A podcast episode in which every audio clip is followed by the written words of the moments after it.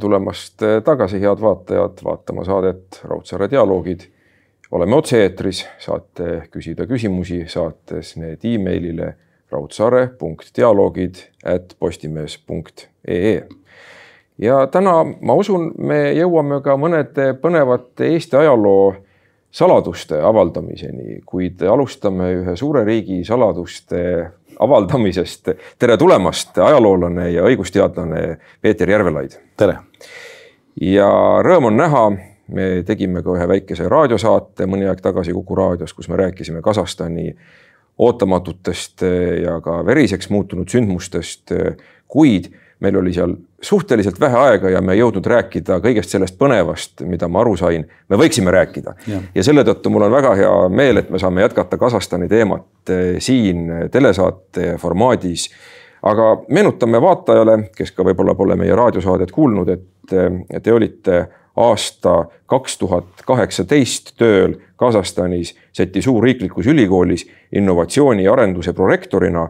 linn on Taltõrdokan, Taltõrdokan mm -hmm. Kasahstanis, see asub Kasahstani kaguosas, mitte väga kaugel äh, Almatast, noh, see on kõik on suhteline, kuna riik on ju hiiglaslik, et kui ma peaksin mingisuguse mhm. võrdluse tooma, see on see, et istud Eestis autosse, hakkad sõitma ja lõpuks jõuad Prantsusmaa lõunarannikule Marseille'sse ja siis sa oled Kasahstani läbi sõitnud, et kolm päeva, kolm-neli päeva sõidad seda riiki läbi. aga ma saan aru, et kasahhid kutsusid teid sinna, teie läksite kas hirm naha vahel olnud, et nii kaugele ja võõrasse kultuuri ja, ja pikaks ajaks ka minna? no ma olen mujal ka olnud, ma olen äh, üle ligi kolm aastat elanud Saksamaal ja eks võõrasse kohta alati on natuke, no kuidas öelda, hirm või niimoodi, et äh, ma arvan, et kõik, kes on reisinud, äh, teavad seda reisikohvri sellise pakkimise aega, et nii kaua on kõik tore, kui sa hakkad reisikohvrit pakkima, siis mõtled, et pagan, kas ma pean ikka minema. aga noh, see on, see on nagu selline, ei olnud, ei olnud Eh, sellepärast et tegelikult eh, ma vaatasin järgi kaks tuhat viisteist eh, kutsus Kasahstani sõltumatu ülikoolide või kõrghariduse atesteerimise komitee või vist on selline asutus seal olemas, kutsus mind väliseksperdiks ja kasahhid ühinesid nagu selle Euroopa sellise kõrghariduse atesteerimise süsteemiga ja siis selle üheks tingimuseks on, et eh, ei tohi olla ainult omad hindajad, on ju, peavad väliseksperdid olema. -hmm. ja juhtus niimoodi, et osaliselt Tartu Ülikoolist eh, pidid minema osa eksperte või noh, olid juba käinud ja siis ühel hetkel oli vaja neil juristi vaja ja siis otsiti mind üles, noh ja siis oligi esimene kord ja teine kord ja nii et umbes kolme aasta jooksul ma ikka mitmetes-mitmetes ülikoolides äh, käisin. no siis nad ikka olid uurinud juba tausta, teadsid, keda nad kutsuvad. ja, ja, ja, ja, ja. ja vastupidi ka, et ei olnud päris tundmatu see Kasahstan. ja, ja noh, ma olin nagu nendes mm. ülikoolides käinud ja noh, see atesteerimine, ega see meeldiv ei ole, kui sind atesteeritakse, on ju niimoodi komisjonis istuda. no ikka pead vastama küsimustele. jah ja., ikka lüüakse ikkagi ja. täiesti nii-öelda see laua peale kõik need, et selles mõttes ma natuke nagu teadsin ja, ja siis, aga see kutse oli küll noh, selles mõttes ootamatult, et tuli email või ma ei mäleta, siis kohe helistati ka. et eh, on viimane nädal, eh, kui saab kandi-, ülikoolid saavad kandideerida president Nazarbajevi poolt eh, ülikoolide välisekspertide noh, stipendiumile või midagi taolist ja et see ülikoolil on vaja nüüd kohe-kohe ütle, kas ja. sa tuled. ja noh, siis, siis ma nagu jah, ütlesin, et jah. no me teame ju seda, et Nazarbajevi, Nazarbajevi ajal Kasahstan väga palju moderniseerus ja kutsuti lääne arhitekte ehitama uut pealinna, tehti igasuguseid infrastruktuuriprojekte, nüüd ka koostöös Hiinaga, Hiina kapitaliga on mitmed asjad käimas. et nende soov olla lääne-ida ristteel suur tegija ja seda riiklikult kõike juhtida, see oli, see oli nagu väga selge, see oli väga selge soov. aga mis innovatsiooni nad nüüd tahtsid teha seal Taltõrdokani ülikoolis? kuidas nemad aru saavad innovatsioonist nojah, nad saavad, eks nad ikka saavad küll jah. tähendab, asi on selles, et Kasahstani ülikoolidele on ka väga suur pinge pandud omavahelises konkurentsis see tähendab finantseerimine ja kõik see sõltub, milli-, kus sa oled reitingus, nii kohalikus reitingus kui see ja noh, kui ma sealt ära hakkasin minema, siis juhtus väga imelik asi, et rektor ei saanud minna. ja mina olin Astanas, kui tehti selle aasta kokkuvõtteid Kasahhi kümme parimat ülikooli. Ja me olime kümnendad. Ja see oli noh, ütleme minule oli väga emotsionaalselt selline noh sa tuled ja nüüd sa seisad seal laval on ju küm, kümme Alfa-Rabi rektorit, noh üheksa rektorit seal enne sind ja nemad vaatasid ka, et kes see mees on, see noh noh, ütleme natuke Kasahhist erinev mees seisab ja. ka nüüd ja, ja surutakse kätt ja võtab diplomeid ja. vastu ja nii edasi. aga et eks see oligi eesmärk, et noh, esiteks siseriiklikult on ju, et positsiooni parandada ja teiseks investeerida tulevikku ja, ja minu ülesanne, innovatsioon tähendas seda, et eelkõige aidata, mulle allutati välisosakond, teadusosakond ja vot need asjad olid nagu minu alluvusesse. et mina pidin looma siis Euroopa keskuse. Euroopa ülikooli või Euroopa-Aasia ülikoolide keskuse sinna eh, eh, piirkonna jaoks nii et TalTech-Organ pani noh, väga ambitsioonika, muidu oli kõik Astana, on ju, aga nad tahtsid nii-öelda väliskontaktide ja see tähendas seda, et mina nagu noh, andsin ideid või andsin oma kontakte. et eh, minu selle aja lõpus toimus siis Euroopa-Aasia ülikoolide eh, kohtumine TalTech-Organis ja olid siis kümmekond Euroopa ülikooli rektorit kohal ja olid kirgiiside ja usbekkide omad ka. nii et eh, noh, see regionaalne suur su,, et me pakume teile ka võimalust, kus koha peal siis kirjutati uusi lepinguid. Eh, kasahhidel, nad on, no vot, meil olid suusatreenerid ja ega kasahhid on ärimehed, on ju, ega nad panevad sind päris suurde pingesse, sul peab tulemus. Eh, hästi kiiresti on ju, no proovi aastaga on ju sõlmida lepinguid, kõik vaatavad niimoodi. Seetõttu no üks asi oli, on ju eh, sidemed, üliõpilasvahetus, eh, võimalikult soodne üliõpilasvahetus, aga igal pool tahetakse ju õpperaha. nii et eh, siis ja noh, ma aitasin ka näiteks raamatukogu komplekteerida mm -hmm. nende uuema kirja. no kõikide nende väliskülalistega kindlasti oli ka väljasõite rohelusse, nagu öeldakse, et ja. tutvuda kohalike kultuuri välja vaat, vaatamisväärsustega nii-öelda Rocca al Mare nende mõistes, aga, aga need distantsid on ju määratu suured aga kuhu siis, kuhu siis, ma jälgisin ka natukene teie Facebooki ja. lõime, et äh, seal üht-teist põnevat oli, et jurtasid ikka näha oli. no ikka oli, äh, jurta on ikka lahutamatu aga tõsi, TalTech-Organis nagu linnas ja. jurtasid ei ole, on ju, Ulaanbaataris äh, mongolitel on lausa linnas, on ju, tuleb sõber siia, paneb jurta või tuleb linna elama, siis algus alustab jurtast, on ju tal on krundis maja kõrval on ikka jurta ka. ja, ja, ja, aga, aga siin, siin nagu ei ole, peab ikka linnast ja. välja sõitma ei, no vot, siin on natuke selline kultuuriline küsimus. see, kui sa väliskülalisi viid, noh, sa ütleme, pead ikka mitmeks päevaks viima või vahemaad on tõesti väga suured. aga Almata oblast või see Hiina piiriga, see ja. piiriala, noh, kuhu, kuhu me viisime, seal on rahvuspargid, seal on selle, ütleme selline liiva või selline kanjon mis võib-olla, kui teda ilusti pildistada ja eriti suvel, ta meenutab suurt kanjonit, nii et Ameerikasse nagu ei ole vajagi minna, sa võid seal midagi sama sood. ütleme loodust on ääretult palju. no kõrbeline on seal ju isegi. kõrbeline ja stepp jah. ja kilpkonni ka liigub, ma saan aru, need Kesk-Aasia kilpkonnad sealt ju meile toodi omal ajal, kui meil oli nõukogude aeg. ja, ja noh, siis järvede ääre, Balhaš, neljateistkümnes järv maailmas oh. siis on seal Hiina piiri pool on veel üks soolane järv, mis noh ütleme turiste, aga tal on tõelised ravi, väga head raviomadused. siis on noh, väga huvitavad järved veel ja noh, põhiliselt on, ütleme Tekeli, kus on näiteks valge marmorimägi ja, ja no sellised loodus on meie jaoks, eurooplase jaoks on niivõrd erinev ja võrratu, et võib-olla Kasahh ei saa aru, et võib-olla noh, ütleme, milles on asi, kõige vanem ajalugu stepis noh, ta ei ole hiigellossid või Toompead ei ole nagu sellist, et sa pead nagu eh, võib-olla see välismaalasele, kellel ei ole seda kultuuri konteksti nii palju, ta ei saagi aru, on ju, et kui oluline see inimene on olnud või, või tema haud või nii edasi aga looduslikud vaated on nii, et noh, hing jääb kinni lihtsalt noh. Selle... no ääretud avarused. ääretu avarus, stepp iga ilmaga erinev on ju, noh imeline kevad, õitsemise aeg Eh, mäed, noh, kui, kui me tuleme siit madalalt eh, niimoodi, eh, siis mis on ka veel üks selline eureka või kui pimedad on inimesed, noh, mulle rääkisid Afgaanist sõdinud mehed, et kui abitud nad olid mägedes, kui nad ei osanud üldse sõdida alguses. aga mina, mina pidin avastama, et lihtsalt no minu silm, minu jaoks on stepp. minu autojuht, kes on seal sündinud, ta näeb, loomad liiguvad, kõik seda aga noh, täiesti piinlik olukord oli või noh, selles mõttes au Kasahhi sõduritele. autojuht peatus maantee ääres, hakkas suitsu tegema ja mina seisan ja vahin niimoodi. ja hommik on ja siis kuidagi päike läks. ma ei märganud, et seal kasahhid tegid mingeid õppusi. Nad olid kaevunud soomukitega ja sõdurid olid sealsamas minust võib-olla kakskümmend meetrit mina ei näinud, nii et kuni noh, ma ei tea, mingi nurga all järsku, siis mõtlesin, et oi jumal, jumal, noh, et ma isegi ei näe, on ju, noh.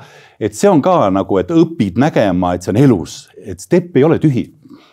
ja midagi juhtub kogu aeg, et eh, Kasahhi territooriumile jääb osaliselt ka Araali järv ja, ja ma usun, et eh, vanemad vaatajad mäletavad neid Vremja kaadreid, kus siis eh, vesi voolas mööda kuivenduskanaleid, see oli küll naaberriigis, mitte ja. Kasahhis niivõrd.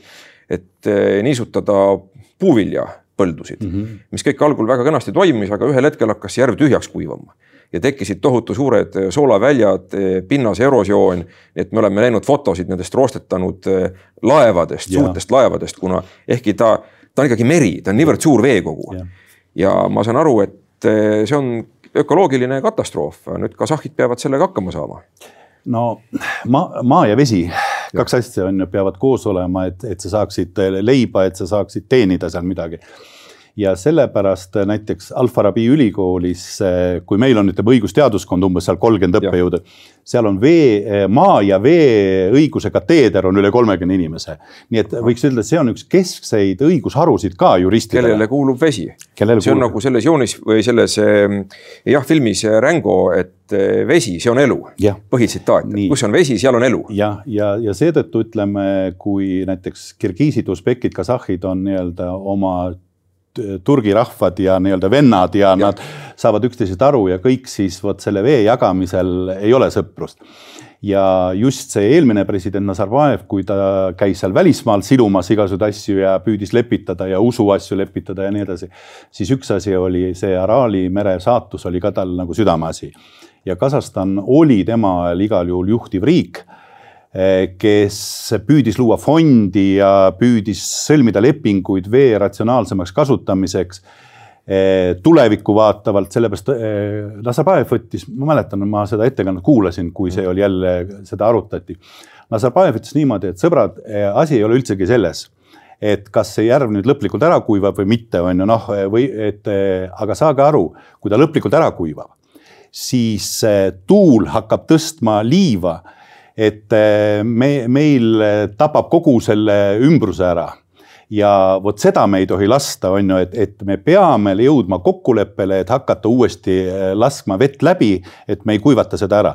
nii et eh, see oli hoopis teine küsimus, et, et see looduslik katastroof on mitmejärguline et tema nagu vaatas nagu veel natuke kaugemale. siis ikkagi kasahhid suudavad vaadata ka pikema perspektiivi taha, nagu me teame, hiinlased on väga osavad selles, et vaadata sajandite taha, et nende jaoks on inimene ainult üks episood, põlvkond on ainult üks episood pikas ahelas. et. Eh, kuidas nende, kuidas kasahhide maailmavaade on aja suhtes? Nad on ka siis ikkagi natuke rohkem selle pika perspektiivi mehed? ma arvan küll, nad on kah kaht, kahte moodi. Eh, kahte moodi, neil on see olemas, noh, nad on täiesti selle idakultuuris ja Hiinaga neil on, neil on ka eriline olukord, eriti kuna nad identifitseerivad ennast Džingis-Khani või noh, ka selle, selle ajastu kaudu siis eh, nemad leiavad oma ajaloost küll ja küll näiteid, et Hiina ei ole nii hirmus kui võib-olla eurooplane või nii arusaamatu. teine asi on eh, kahekümne üheksateist, kakskümmend kaks oli esimene suur näljahäda mm, -hmm. nii siis oli pärast veel mitu ja selle tulemusena on olemas uiguurid, on ju, kes on juba varem sinna Hiina alale ja Kasahhi alal. ühesõnaga on side nii-öelda nagu sugulusside ka mm -hmm. sealpool piiri. see on üks asi ja nüüd eh, teine on eh, ka Stalini aja repre-, kõige suuremate repressioonide eel just nende piirialadel oma loomi karjatavad kasahhid. ma ei tea, kuidas see informatsioon lägi, jõudis nendeni aga nemad jõudsid ära põgeneda, võeti karjad, aeti üle Hiina piiri ja mindi Hiinasse elama isegi jah. ja, ja see oli mingi väga lühike aken ja need kasahhid jäid üldiselt ellu Hiinas. aga see noh, lihtsalt see kolhooside või noh, nende loomine, kui loomad võeti ära, siis järgmisel talvel ja kuna ikaldus ka veel oli, siis surid kasahhid nälga, mil-, noh, nad ütlevad, mõned ütlevad mitu miljonit, aga no igal juhul tohutud see.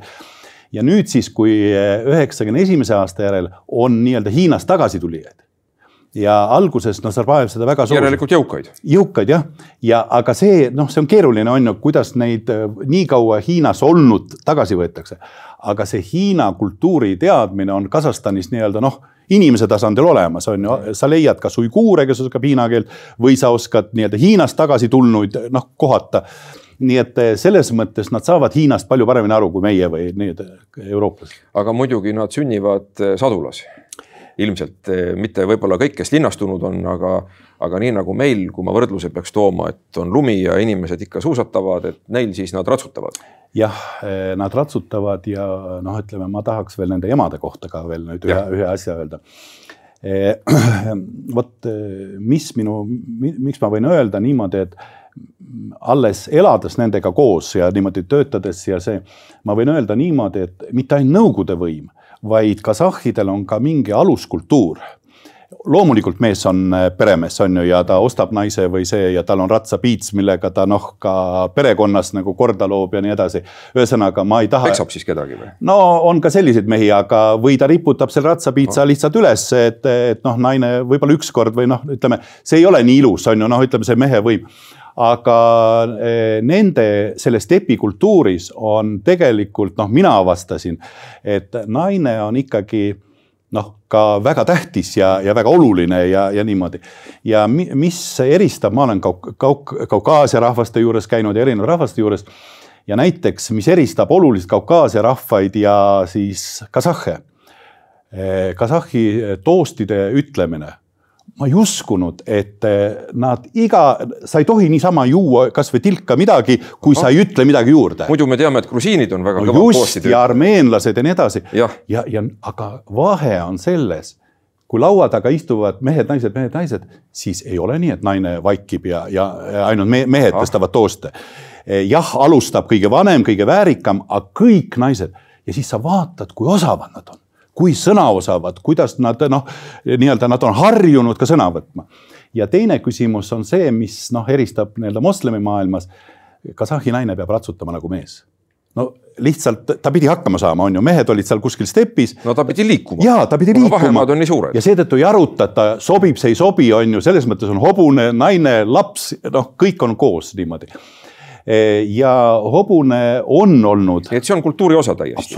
sest mulle meenub eh, raamat Beata ratsanik, seal oli ka üks kriolitar, kes väga hästi ratsutas, mis tekitas elevust kohalike seas, et seal teatud klassi puhul ei olnud enam eeldatav, et sa ratsutad, kui sa oled daam, et aga seal see ei ole mingi probleem, et kõik ei. ratsutavad. see on üks asi ja hobune üldse veel, räägime pärast see, et ja. ratsutamine ja söömine, aga mida ma tahan öelda, et kasahhid panid mind ka proovile.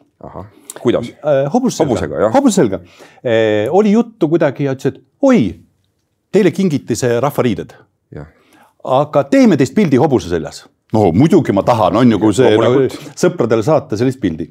aga eh, kuidas ütelda, sa ei saagi aru eh,, kuhu sind viiakse ja viidi siis sellise noh, linna ääres oli mingi hobuse, hobuse noh, ma ei tea, kasvandus või ja. no midagi seal oli ja tuli sinna ja, ja mina mõtlesin, et tuuakse selline pisike noh, Kasahhi mongoli hobune toodi selline ratsahobune välja. ja siis küsib, et veel, et ega sa ei karda? ma ütlesin, noh, ega ma mingi ratsuta ei ole, aga ma arvan, et ma saan hakkama ikka sadulas istumisega. no nii, sain ma sadulasse ja hobune hakkas minu all nii-öelda näitama, sellepärast nii ja ühesõnaga natuke aega, siis vaat-, kõik, kõik vaatavad, mis ma teen noh, mina näitasin jõudu, hobune noh, sain nagu rahulikuks, tehti pildid ära, siis ma tulin hobuse sellest ära ja siis pärast autos seletatakse. no me vaatasime, et ta ütles, hobune on nii tark, kui sa tahad teada, mis inimesega tegemist, pane ta sadulasse. siis ta ütles, et kui sa kardad, sa higistad juba, no mida sa ise aru ei saa, hobune tunneb lõhna ja siis ta juba hakkab sulle näitama kohta kätte. aga kuidas sa, kas sa teed haiget hobusele või, või mida sa teed on Kasahhil pilt sinust ühesõnaga, nemad tegid minust nagu noh, minu selle isiku. see oli kohalik, nagu öeldakse, valedetektor. just, just, just, just. ja, ja, ja, ja siis sa saad aru, et oot-oot-oot, kes, kes siis nagu, kas mina tegin pilti, et ennast näidata. aga jooksu ei pannud hobune, oli ikka ei, seal, see seda, oli kontrolli all. see, selle saime hakkama jah ja aga jah, see, see ütleme, see näitab, ütleme, kui, kui tähtis on hobune neile. ja, ja loomulikult mm. -hmm. aga nüüd, kui me veel räägime kultuuri iseärasustest, ehm, no me teame ju, et eh, Kasah-, Kasah-, Kasahstan on moderniseerunud viimaste aastakümnete jooksul, on küll siiski neid piirkondi ka, mis on väga vaesed, kus inimesed elavad väga tagasihoidlikult, aga on ka niisugusi noh, meie mõisteski ülirikkaid tekkinud, et mm -hmm. kihistumine on päris suur. mis tekitab ju pingeid kultuuris, mida me nägime, mis avaldusid ka nende rahutustena mm. -hmm. aga kuidas, ma tean, et nad üritavad neid pingeid maandada ka oma kultuurimehhanismide abil. et kuidas? no pingete maandamiseks eh, on, on mitu asja, no siiamaani see toimis, on ju, sellepärast et noh, kunagi eh, käisin ka selles eh, Jordaania, noh, selles Iisraelis ja selles piirkonnas on ju. minu jaoks oli eh, Kasahstan, noh, kui mina ka sinna läksin ja miks ma nagu nõus olen, eh, minu kolleegid olid seal Kirgiisias käinud, kui olid seal konfliktid ja, ja nii edasi. aga noh, minu jaoks oli ka see, et ja ma olin nagu natuke nagu vaimustuses, et kuidas see juht on ju, noh, minu jaoks ei olnud küsimus, mitu aastat ta seal võimul on või see, aga et ta suudab nagu rahu säilitada, noh, et, et selles regioonis. jah, tasakaalu, et minu jaoks oli see noh, nagu isegi imest-, ma imestasin, et, et kas ikka järglast leitakse, kes, kes midagi sellist suudab luua. ja noh, mina ütlen niimoodi, et kultuuriliselt noh, on, võtab pingeid maha see et kasahhidel on väga tugev identiteet oma ajalooga, oma perekonnaga, oma hõimuga, oma klanniga ja noh, ma ütlen, et see on nagu seal olles ja ma püüdsin ka nagu mõelda, et kuidas, kuidas selles Kasahhi või selles suures stepis eh, noh, nad nimetavad seda Velikaja stepp või noh mm, -hmm. see on rohkem kui suur, on ju, no tõesti. aga see on lugupidavalt. ja, ja, ja, ja, ja, ja, ja see, see, et kus on erinevad rahvad, erinevad võimud olnud, sa pead hakkama saama ja, ja siis noh, olles ka seal noh, jurtas istudes on ju, mõtled, et see on Vildist. ja ma mõtlesin niimoodi, et et äh, mõnikord noh, ma ei ole ka alati kõige parem diplomaat, on ju, noh ikka ütled kellelegi niimoodi see. ja siis, kui ma mõtlen, et miks see kasahh nii ümber nurga räägib või noh, nagu natuke ärritabki, ütle, mida sa tahad või niimoodi. siis ma, olles telgi, telgis või selles jurtas, siis sain aru, et aga tema pidi tagama oma laste üleskasvamise, kui teda kaitseb ka ainult vilt noh, keset steppi mm. -hmm. ja, ja, ja sellepärast eh, noh, kui sa hakkad seda mõtlema, siis sa saad aru, et, et sa pead oskama läbi rääkida, sul peab olema mingi jõud mm, -hmm. mis eh, sunnib sinu naabreid sind ellu jätma, sinu lapsed ellu jätma ja et see on palju keerulisem, kui meie arvame, noh, me ütleme, et ah, see on hea või halb või, või see on moodne või see ei ole moodne. aga nüüd on siis juhtunud see, et, et see stepis elanud nii-öelda see suguvõsad on tulnud suurtesse linnadesse ja see rahvas on segunenud, on ju, kui enne oli näiteks Kagu, selles Kagu-osas, kus see Almata ja see piirkond, kus mina olin, see on siis see vanem Džuus või vanem hord nii et see oli nagu väga selge, sellel alal on ju elasid siis nagu nad olid kõik kuidagi omavahel seotud. Nii ja nemad pidid üksteist kaitsma ja neil oli identiteet, siis oli seal vahepeal see keskmine ja noorem, noorem siis see hord nii oli see su äh, selles suures stepis ka selle Džingis-Khani ajal jaotatud. aga eh, nõukogude aja ka nad elasid, tuleb välja üle niimoodi, et eh, nad käisid palvetamas salaja, sest nendel ei ole suuri mošeesid, sest nemad saavad stepis ja niimoodi hästi tagasihoidlikud eh,. Nemad austasid vanemaid eh, ma isegi ei tea, et kas nad on nagu Islandi moodi või alles nüüd hakatakse kirja panema. Nendel oli nagu suguvõsa kroonikat, aga seda hoiti mälus vist, ma saan aru, anti nagu põlvest põlve. ühesõnaga, see jaotus oli olemas, aga nõukogude ajal nad peitsid nagu selle ära. kusjuures ma tahan öelda niimoodi, et nõukogude ajal me ei saanud üldse kasahhidest aru nende perekonnanimedest ja, ja ega seda väga, ma ei suuda ka võib-olla väga täpselt võib-olla öelda aga mina sain aru niimoodi, et Kasahhil, Kasahhid kasutasid sellist asja, et näiteks kui mul oli kaks tuttavat, üks oli meie prorektor pärast ja, ja teine oli tema kuulus vend, filosoof mm -hmm. sellest Almatas. ja öeldakse, nad on vennad, neil on erinev perekonnanimi. ja see, ei, seal on niimoodi, et, et vanaisa võib panna sulle ka perenime juurde. see tähendab, et ühes peres lapsed on erineva nimega. Oli see kaitsemehhanism või nende jaoks näiteks nimi ei ole niisama nimi, et ma vaatan mingist nimekalendrist, vaid see tuleb eh, surnud sinu eelkäijatelt eh, tuleb või ta tuleb mingi peretraditsiooniga, väga kindla süsteemiga, sa saad nime ja sa ei tohi igat nime noh, näiteks panna. no ma toon ühe näite, et eh, minu ühe kolleegi noh, pärast tuli välja, et tema mees oli väga haru, haruldasest ja väga kuulsast Tšingisiitide nii-öelda, see Tšingis-Khaani veresuguluse liinist oli Eh, lapsele pandi nimeks pojale sultan. Eh, kas kunagi Kasahstanis saavad sultanid, no ma ei oska öelda, on ju, aga see tähendab, tema tohtis sellist nime panna, ma kujutan ette, et iga kasahh ei tohi sellist nime panna. ja, aga räägime nüüd ühest huvitavast episoodist, mis on seotud Eesti ajalooga Kasahstanis. Otto Tiif oli pagenduses Kasahstanis ja ma tean, et eh, ajaloolasena pakkus see teile suurt huvi otsida tema jälgi. jah, no minu asukoht ei olnud kõige soodsam, selles mõttes ma olin nagu riigi teises otsas. aga noh, minus nagu hakkas see nii-öelda professionaali veri tuksuma kohe. asi oli selles, et ähm, mul on alati õigusajaloolasena Otto Tiif olnud väga sümpaatne kui jurist ja kui poliitik ja, ja eks selle neljakümne neljanda aasta valitsuse juht ja nii edasi ja meil on ka väga hea monograafia Otto Tiifist, minu arust kõige parem selle riigijuhtide see seeriast. Ja eh, noh, teades, et Otto Tiif oli jah, Karagandas ja eh, selle, selle kõigepealt vangis ja siis oli ta asumisel.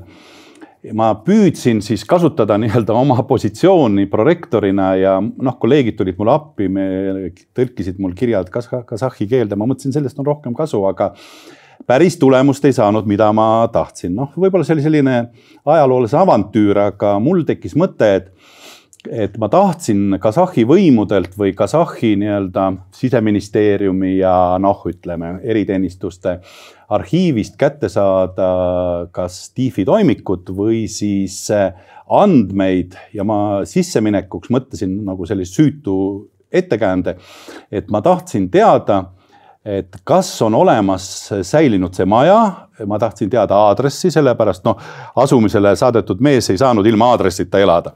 et äh, mõte oli selles, et äh, Tiifiga juhtus üks imelik lugu. Tiif sai oma kümme aastat ja pluss viis asumist ja noh, ta saadeti siis Karagandasse, kus söökaevandused ja noh, noh, üldiselt üpris rasked tingimused. aga Tiif oskas üle elada selle aja ja ma saan aru, et Eesti võimude poolt ja Mosk-, Moskva ja Eesti koordineerisid nii-öelda need NKVD-d ja KGB-d koordineerisid. ma siis... küsin vahele, ta õppis inglise keelt. vangis olles ja. ja tal ei võetud ära sõnaraamat. ja, ja just ühesõnaga, ühesõnaga Otto Tiefiga juhtus lugu, et ta istus oma aja ära ja võimud pidid ta nii-öelda vabaks meheks kuulutama. ja ega nendel vangilaagril ei olnud küsimus, on ju, mine sisse. aga nüüd tekkis probleem see, et tuli tema CV tuli nagu meelde, et ikkagi eksiil või selle valitsuse peaminister ja nii edasi. Ja e, juristina ja siis talle ei tahetud tööd anda, aga kui sul tööd ei ole, siis sa oleks nälga surnud seal, nii et, et selline nagu dilemma oli. Ja Otto Tiifile tuli meelde, et kolm aastat õppis ta Pihkva maamõõtjate koolis, kus ta sai keskhariduse ka ja siis Otto Tiif eh, nii-öelda väga sellise elujõulise inimesena ütles niimoodi, et aga ma olen maamõõtja. no siis ta sai töö ja kõik. aga vahepealne seik, mida Otto Tiif on ise oma mälestuse või noh, nende nagu katketes kirjutanud. ühesõnaga eh, ka minu õpetajal Leo Leesment rääkis sama asja. kui sa oled raskustes, kui sa oled vangis, noh, nemad elasid selle üle. sa pead tegema midagi enda jaoks, sa pead leidma optimismi. kui sa seda ei leia ja kui sa lähed selle vangisüsteemiga või veel hullem, vangileiba ja hakkad rohkem töötama. ette antud ajakava ja selle, kuidas ma ütlen, kanaliga, kuhu sind on siis on surm, siis on surm sinu, sinu lõpp, nii-öelda väga kiiresti tuleb surm. ja selles mõttes ellujääja peab leidma motivatsiooni, et teha selle võimu vastu, noh, kuidas kiusta midagi. ja Otto Tief on tõesti, ta kirjutab niimoodi, et õppis ära inglise keele. noh, ta oskas saksa keelt ja nagu siin oli ja kuidas oli vangilaagris, olid inglasi noh, seal ja tal tekkis mõte, et nendega suhelda, noh aga, ja siis jällegi ta oskas äh, saada ja väga kavalalt ta võttis vene, inglise sõnaraamatu. aga noh, mingi Kasahhi vangilaagri valvur, noh, tema ei ole vist ingliskeelne. ja esimene asi oli, kui nähti suure raamatuga, siis Otto Tief öeldi, et nii, vang, miks sul selline raamat on? Ja Tief muidugi väga osava inimesena ütles niimoodi, et vaadake, mul on see vene-eesti sõnaraamat ja ma kasutan seda vene keele parandamiseks, sest ma tahan vangist välja tulles olla parem Nõukogude kodanik no täiesti aktsepteeritav lugu ja mees rahulikult vaatas vene-inglise sõnaraamatut, suhtles inglise vangidega. no aga seal olidki ju Nemetskami, Bukvami kahtlased no, ladina no, tähed, ega just. see vangivalvur ei saanud aru, mis, mis sõnastik just, ta on. just, ma lihtsalt ütlen selle paralleeli, et seal oli ikka väga karm eh, kliima. Leo Leesmet, kes oli küll teises mm -hmm. piirkonnas, ta ütles kunagi niimoodi, et tema oli suremise äärel ja tema päästis olukord, et, et ta oskas ennast mõelda Pariisi. ja, ja ta ütles, et see andis talle soojust, see andis uut elumõtet ja see andis võimaluse koertega vangivalvuritele, kuidas öelda, sisemiselt eh, noh, naeratada ja öelda, mees, sa võtsid mul püksinööbid ära, sa võtsid mul püksirihma ära, sa võtsid kõik minult ära, aga minu Pariisi mälestust sa ei saa iialgi võtta.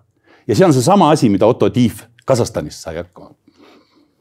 nii et, aga see ei tulnud välja, ma ei leidnud seda maja veel, aga võib-olla ma ei jäta jonni, võib-olla kunagi ikkagi leiame ja saame panna mälestustahvli. ja võib-olla kasahhid hakkavad ka mõtlema, et meil oli nelikümmend neli valitsus oli nii, mida juhtis Otto Tiiv, see nende maa, maamõõtja. no ma usun, et eh, selles, et eh, kohe need viljad ei tulnud. Praegu mm, -hmm. väljendub ka kasahhide ettevaatlikkus, millest me eespool rääkisime, et nad ei anna alati väga selgeid vastuseid. Aga samas eks asjad võtavad aega, et ühel hetkel võib-olla ka seal see tulemus ikkagi, ikkagi tuleb. aga tuleme nüüd äh, siin vaatajate küsimuste juurde ja siin on loomulik küsimus, et mida nad Eestis teavad. Eh, nad teavad kui endist eh, Nõukogude Vabariiki ja ütleme, see selline põlvkond, kes ikka oli täiskasvanud, kas lapsed käisid mingil turismireisidel, tudengid, kes eh, osa kasahhe õppis ju Venemaal on ju mm., kas noh, tänases Peterburis või see ikka noh, kui sa juba Kasahstanis oled, siis ikka käid Tallinnas või Pribaltika. ühesõnaga Pribaltika kohta teatakse Vana-Tallinnat, teatakse kilu, kilusid, sprotte ja nii edasi Eh, ja nendel on kõigil väga selline emotsionaalne ja nad on, no ütleme, räägivad oma lastele, lastelastele, sest see oli ikkagi elamus, et nemad käisid Nõukogude Liidu läänes. ütleme Kasahstanist tulnu jaoks me noh, noh, nema, nende jaoks on see erinev, on ju. ja, ja teine asi veel, nad nägid merd. Neil, neil ei ole, on ju, et, et jällegi meie ei oska hinnata, et me elame mere ääres, no kuhu see meri läheb, on ju. no aga Kaspia meri no Kaspia meri. ei asenda ikka seda, jah, see pole see. jah, ei ole see et.... aga kaardi peale vaadates paistab päris suur. ei no ta paistab, aga, aga neil on kõik väga suur, on ju, aga, aga see maa, vaata, kui maa on suur ja meri on suur, siis ja. see, see võr-, aga siit oli ahvatlus, et vaat siit istud laeva peale ja lähedki, on ju. siit sa lähed ühelt kaldalt teisele, noh, vot see, et tegelikult noh, nemad on ju ka kunagi noh suur rahvas olnud või, või noh, mitte, mitte suur rahvas, vaid nad on selle suure riigi koosseisus olnud. ja, ja neil on ka mingi ambitsioon ja, ja ei, väga positiivne, teavad, teavad, aga ikkagi nõukogude ajast. aga tänapäevast? tänapäevast ka, sellepärast et näiteks Tallinna Tehnikaülikool on väga aktiivselt Kasahstani pro projekti omanud.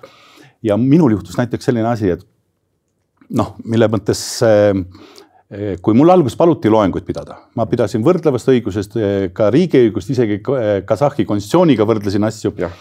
aga nemad andsid mulle põmde esimese kursuse, alguses ma mõtlesin, et kuule narrivad, et noh, mida ma teen nendele. aga see oli nii noored, nad nägid esimest korda välismaa õppejõudu. ma erinesin noh, väga mitut moodi, ma õpetasin Euroopa õigust ja niimoodi ja ma neile ütlesin, et ega ärge arvake, et ma noh, ma õpetan teistmoodi, aga aktsepteerige seda. ja aasta pärast oli juba üks tüdruk sellelt kursuselt Tallinnas juba saanud stipendiumi ja juba, juba õppis ja nii. ja ma neile ütlesin muidugi ma kunagi õpetasin Tümenis ka, mis on ju Kasahstani piirist nagu teisele poole seal mm -hmm. Siberis. Eh, seal ma ütlesin ka nendele, et eh, kui üheksakümnenda aasta alguses ma ütlesin oma tudengitele, et et te peate mitte ainult juristid olema, vaid me oleme nii väike riik, et te peate ka riigimeheks või noh, valmis olema. ja paljudele jäi see meelde. aga minu kunagi üheksakümnenda aasta üliõpilased on peaministrid saanud, ministrid ja nii edasi, õiguskantslerid nagunii ja see. nii, aga nüüd ma lähen Kasahstani on ju, lähen ühe Kagu siis piirkonna ülikooli ja ütlen, et a teist võib saada Kasahstani president, te võite riiki juhtida, te peate teadma teiste riikide alguses nad vaatasid, et oota, mis juttu, kas siis. see on küll üks hull lugu. ja, et kas Astanas ei ole siis või noh, on ju aga, aga see, kui kaheksateistkümne aastane või seitsmeteistkümne aastane, äkki ta hakkabki mõtlema, ma mõtlesin, aga suhtuge tõsiselt, on ju. E, elu muutub ja sel hetkel, kui te olete justiitsminister või, või parlamendiliige, on hilja hakata õppima või noh, et õppige praegu, kui, kui min, mina olen siin ja nii edasi ja käige vaatamas, on ju, ma ei ütle, mis on hea või halb. Teie peate otsustama, mis on Kasahstani jaoks, mis on Kasahhi rahva jaoks hea ja, ja võib-olla see oli väga õigesse kohta külvatud nii-öelda noh, doktorant, doktorant on ju, tema teeb oma kitsast tööd.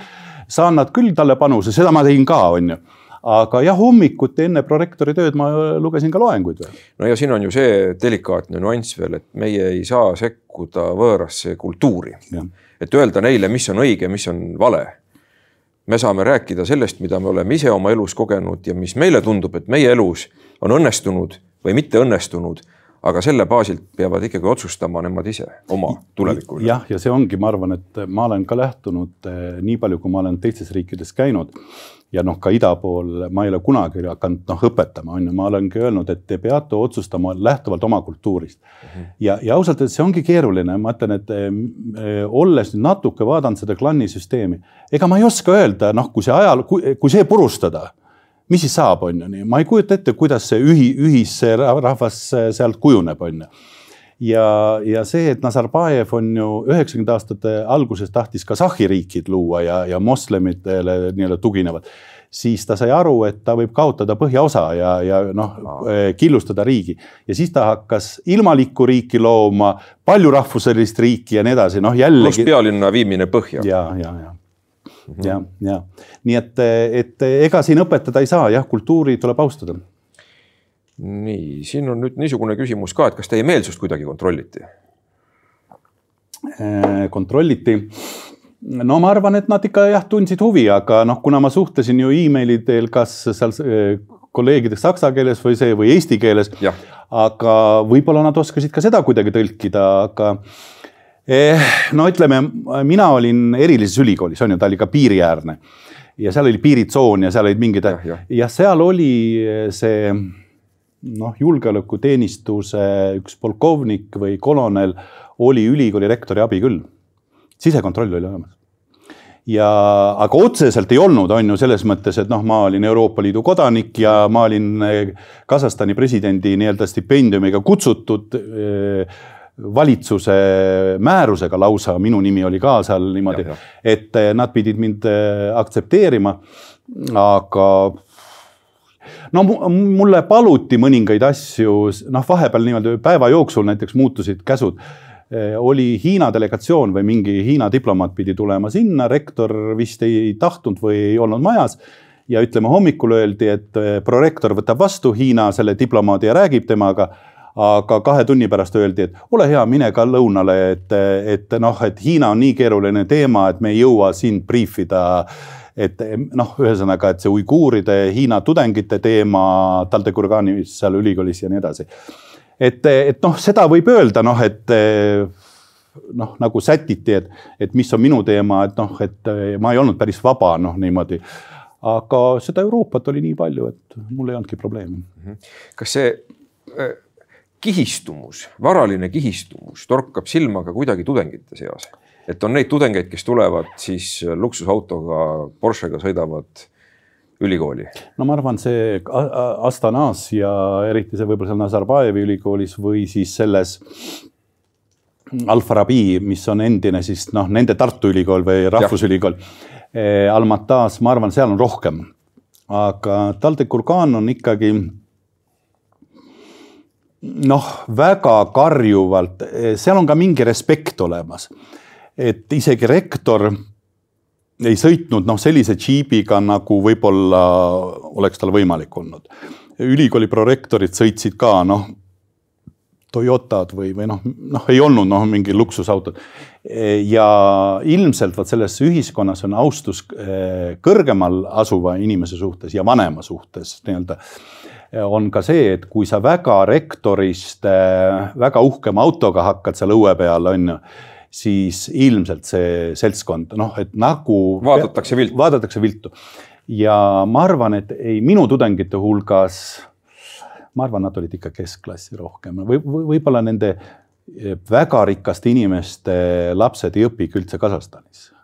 aga mul oli võimalus jah, näha ühte noort õppejõudu ja temaga oli mul väga huvitav jutuajamine selles mõttes nagu kahekihiline mm. -hmm. ma ütlen niimoodi, et äh, ta oli üks andekamaid kasahhe, keda ma kohtasin nii-öelda noh, küll lühikese vestluse järel, kes oli ääretult avatud ja kes äh, luges vajalikuks mulle öelda võib-olla, et sage-, tema oli väga puudutatud, sest sageli räägitakse, et kasahhid on nihverdajad, tulevad välismaale, ei viitsi õppida, eh, sahkerdavad või lasevad kuidagi teistel väitekirja mhm. kirjutada. ta ütles, mina tegin kõik eksamid seal Hollandis või kõik tegin ise. Eh, kõik ma tegin ausalt, noh, ta oli selline juristipoeg. ja aga eh, ta ütles niimoodi, et mulle väga meeldib teie elu. ma tahakski elada. Lääne elu. Lääne elu ta ütles, et mulle väga meeldib, ma tahaks olla tagasihoidlik, sõita jalgrattaga või, või niimoodi. aga tegelikult ta sõitis suure džiibiga. vot temal oli see džiip, mis ma ei kujuta ette, milline see Alfa-Rabi ülikooli rektori oma on, no ka kindlasti teeb ta mingi džiibiga või see. aga tema oli sellepärast, et tema klann või tema see suguvõsa, ta just oli abiellunud. talle osteti pulmadeks suur villa eh, teenijatega, džiipidega ja üks džiip kuulus siis nii-öelda temale aga tema suhtumine oli nii, et kui oleks jalgrattas antud, siis oleks võinud me mõlemad jalgrattaga sõita. ja, ja vot siis sa näed seda rikkust on ju, noh, see noh, kuidas saab, ütleme kolmekümne aastasel noh, noorel mehel olla sellist. no ja vot siin tekibki see vastuolu, et ta on olnud lääne, läänes õppinud ja võib-olla tema väärtused, mis ei tähenda, et ta oleks kuidagi oma kultuurist eh, loobunud, aga mm., aga tema väärtused eh, materiaalses mõttes on pisut teistsugused, aga ja. ta ei saa sellest loobuda, mida klann talle annab, sest ta ei saa klanniga minna tülli. ei just, just ja, ja see, ma ütlen, et eh, kui me vaatame tulevikus on ju, see mhm. Nazarbajev tegi veel ühe väga huvitava stipendiumi, mina ei tea, minule tundub, et nad võtsid mongolitelt või jõudsid nad ühel ajal ühesugusele seisukohale. Mongoolias on samasugune olemas, aga see on siis Nazarbajevi stipendium, mis nimi on Balashak tõlkes tähendab see? Eh, tulevik, tulevik.. ja, ja see stipendium oli ikkagi väga soodne Eh, kasahhid eh, raputasid nii-öelda oma neid kandidaate, nad pidid ikkagi sooritama päris raske noh, selle rahvusvahelise inglise keele eksami ja niimoodi, mis on neile raske mm. ja erialaselt, aga siis nad said ikka väga headesse ülikoolidesse kuni viieks aastaks ja siis kuni kolm aastat oli kohustus neid rakendada prorektoritena ja nii-öelda hariduse edasiviijatena. ega nende inimeste haridus ei kao, on ju, nad noorte noh, ütleme, kui kolmekümne aastaselt sa oled neli, no kolm-viis aastat kuskil eliitülikoolis, elad Euroopas. sul on võimalik korter üürida ja noh, sellised asjad kõik siis need inimesed ikkagi ütleme, on kes haridust ikka noh, nad oskavad suhelda. no ega ilmaasjata ei saatnud ju siin omal ajal taluperemehed oma lapsi, mitte küll kõiki, kõiki polnud võimalik saata, aga mõningaid saadetigi õppima ülikoolidesse ja ka Peterburi ja sealt tulid meile köölerid ja, ja kõik teised rahvuslikud tegelased ja samamoodi Kasahstanis. et see on see pinnas, mille pealt võrsub nende tulevik. jah ja, ja ma väga usun sellesse ja, ja noh, võib-olla kui noh, natuke kunagi noh, öelda oma rolli, siis võib-olla seesama Euroopa Keskus või need tudengid, kes me siin no, järjest saatsime, on ju väga, mul oli väga head kolleegid, sellised väga mm, noh, kuidas öelda euroopalikult või see või ütleme nii kiiresti, kui vastas minu osakond, välisosakond vastas äh, emailidele, ma ei ole kuskil näinud öösel ja päeval ja see ja. ülimalt. Keegi kohe, oli valves siis öösel? kohe jah. tõesti jah? Nende tööjõud on nii odav, et neil olid noored inimesed mm, -hmm. ütleme, see viisakus, keelteoskus ja noh, ma olin nii rahul nendega, et noh, niimoodi. et äh, kõik need väliskülalised olid ka niimoodi, et kuidas nii intelligentsed on, aga samas sügavalt oma kultuuris. nii, kui me nüüd äh, hakkame jõudma oma intervjuu lõpule ja püüame mõelda tulevikule. kindlasti Kasahstan jääb. ma ei usu, et ta ka peale neid rahutusi tohutult muutuks. kindlasti üks klann on nüüd, me näeme asendumas teisega, aga see nii-öelda see, see sinine, seeneniidistik mm, -hmm. millel see kõik tugineb ja võrsub, on ju jätkuvalt seal alles mm. -hmm. nii et ma ei julge küll öelda, et seal toimuksid mingid väga suured kiired muutused. Kasahstan jääb, Kasahstan on suur riik, suur võim mm.. mida me võiksime sellest endale saada? Eh, endale, see on eh, vana tõde. noh, kui me hakkame ka juba jõudma sellisesse ikka, et eh, on võrdlust ja nagu oma elukogemusega ka. ja ütleme, tundes huvi ajaloo vastu ja et noh, ka õigusajaloolasena on ju oma riigi küsimus on ju, meil ja. on sada aastat riiki olnud ja kui see sada aastat kukkus, siis me mõtlesime ette, mis saab veel saja aasta pärast ja me väga tahame, et eh, saja aasta pärast me, meie järglased saaksid ka istuda siin. ja meil on omad, omad nii-öelda piirkondlikud on ju mured ja, rõõmud ja niimoodi, aga Kasahstanil eh, on ju küsimus, seal on kaks hiigelriiki ja võib-olla see on palju kontrastsemalt ja, ja mängumaa võib-olla seal on palju kitsam, noh, kui meil. aga õppida on väga lihtne asi, see, mida kunagi Lennart Meri ütles, et eh, noh, noh, ta oli vahepeal ju ka Pätsi, Pätsi nii-öelda suhtes küllalt kriitiline mm. -hmm. siis ta ütles niimoodi, et Eesti rahvas sai aru vabadusest ja iseseisvusest siis, kui ta oli selle kaotanud. et eh, ja noh, veel üks minule väga oluline inimene, Fanny de Sievers kunagi kirjutas mulle lausa postkaardi ja kirjutas niimoodi, et ta palub Jumalat et Eesti rahvas saaks aru, et kui ühele rahvale on kaks korda vabadus antud, siis et võiks ju aru saada, et kolmandat korda ei pruugi olla. et sellist noh, jumala rahvast, kellele ükskord läks halvasti, veel kord antakse sulle, aga me püüame elada edasi nii nagu noh, kakelda inetult. selle asemel raiskame aega, on ju, et mõelda, kuidas saja aasta pärast tõesti on ju, et lapsed kooli Eh, teha ka see palašak või mis, mis ta meil siis oleks, on ju. meil on, me ütleme, ah, meil on kõik olemas. me ei kasuta nii palju võimalusi, on ju, ega see talupoeg, ta kasutas kõike või pani kõik ühe kaardi peale, anda haridust sellele. nüüd mõtleme, on ju, et, et kas me jookseme sellega, kus me ülikoole vähe finantseerime, nii et, et ühesõnaga sellises piirkonnas, nagu meie oleme, nagu kasahhid on tuleb olla väga kokkuhoidev rahvas, väga tulevikku vaatav rahvas, väga ratsionaalne rahvas ja võib-olla mõnikord ka vahetada kultuuri, sellepärast et mida saavad suured riigid lubada. no ütleme, et prantslased on ju, oh, nemad tulevad tänavale, hakkavad autosid põletama või see. Aga meil on teine kultuur, on ju, me peaksime laua taga istuma, läbi rääkima, on ju niimoodi. et mina ütleks, et, et see on küsimus ja, ja teha ikkagi need, et mitte joosta ainult teiste eeskujudena, vaid püüda oma kultuurist ka lähtuda samamoodi. see on kindlasti asi, mida meil on õppida kasahhidest mm. -hmm. aitäh, Peeter Järvelaid, selle huvitava ja põneva vestluse eest. Niisugune oli tänane Raudsaare dialoogide saade ja ma usun küll, et sellest oli midagi õppida ja kindlasti on õppida meil seda, et me peaksime olema ühtsed, eriti praeguses julgeolekukriisis, energiakriisis ja otsima ühisosa nii nagu kolmkümmend aastat tagasi, kui me Eesti riiki lõime, et see on asi, mis tagab meile iseseisvuse ka tulevikus, kuna tõesti kolmandat korda ei pruugita seda meile enam anda. aga niisugune saade oli, kohtume nädala pärast, kõike head teile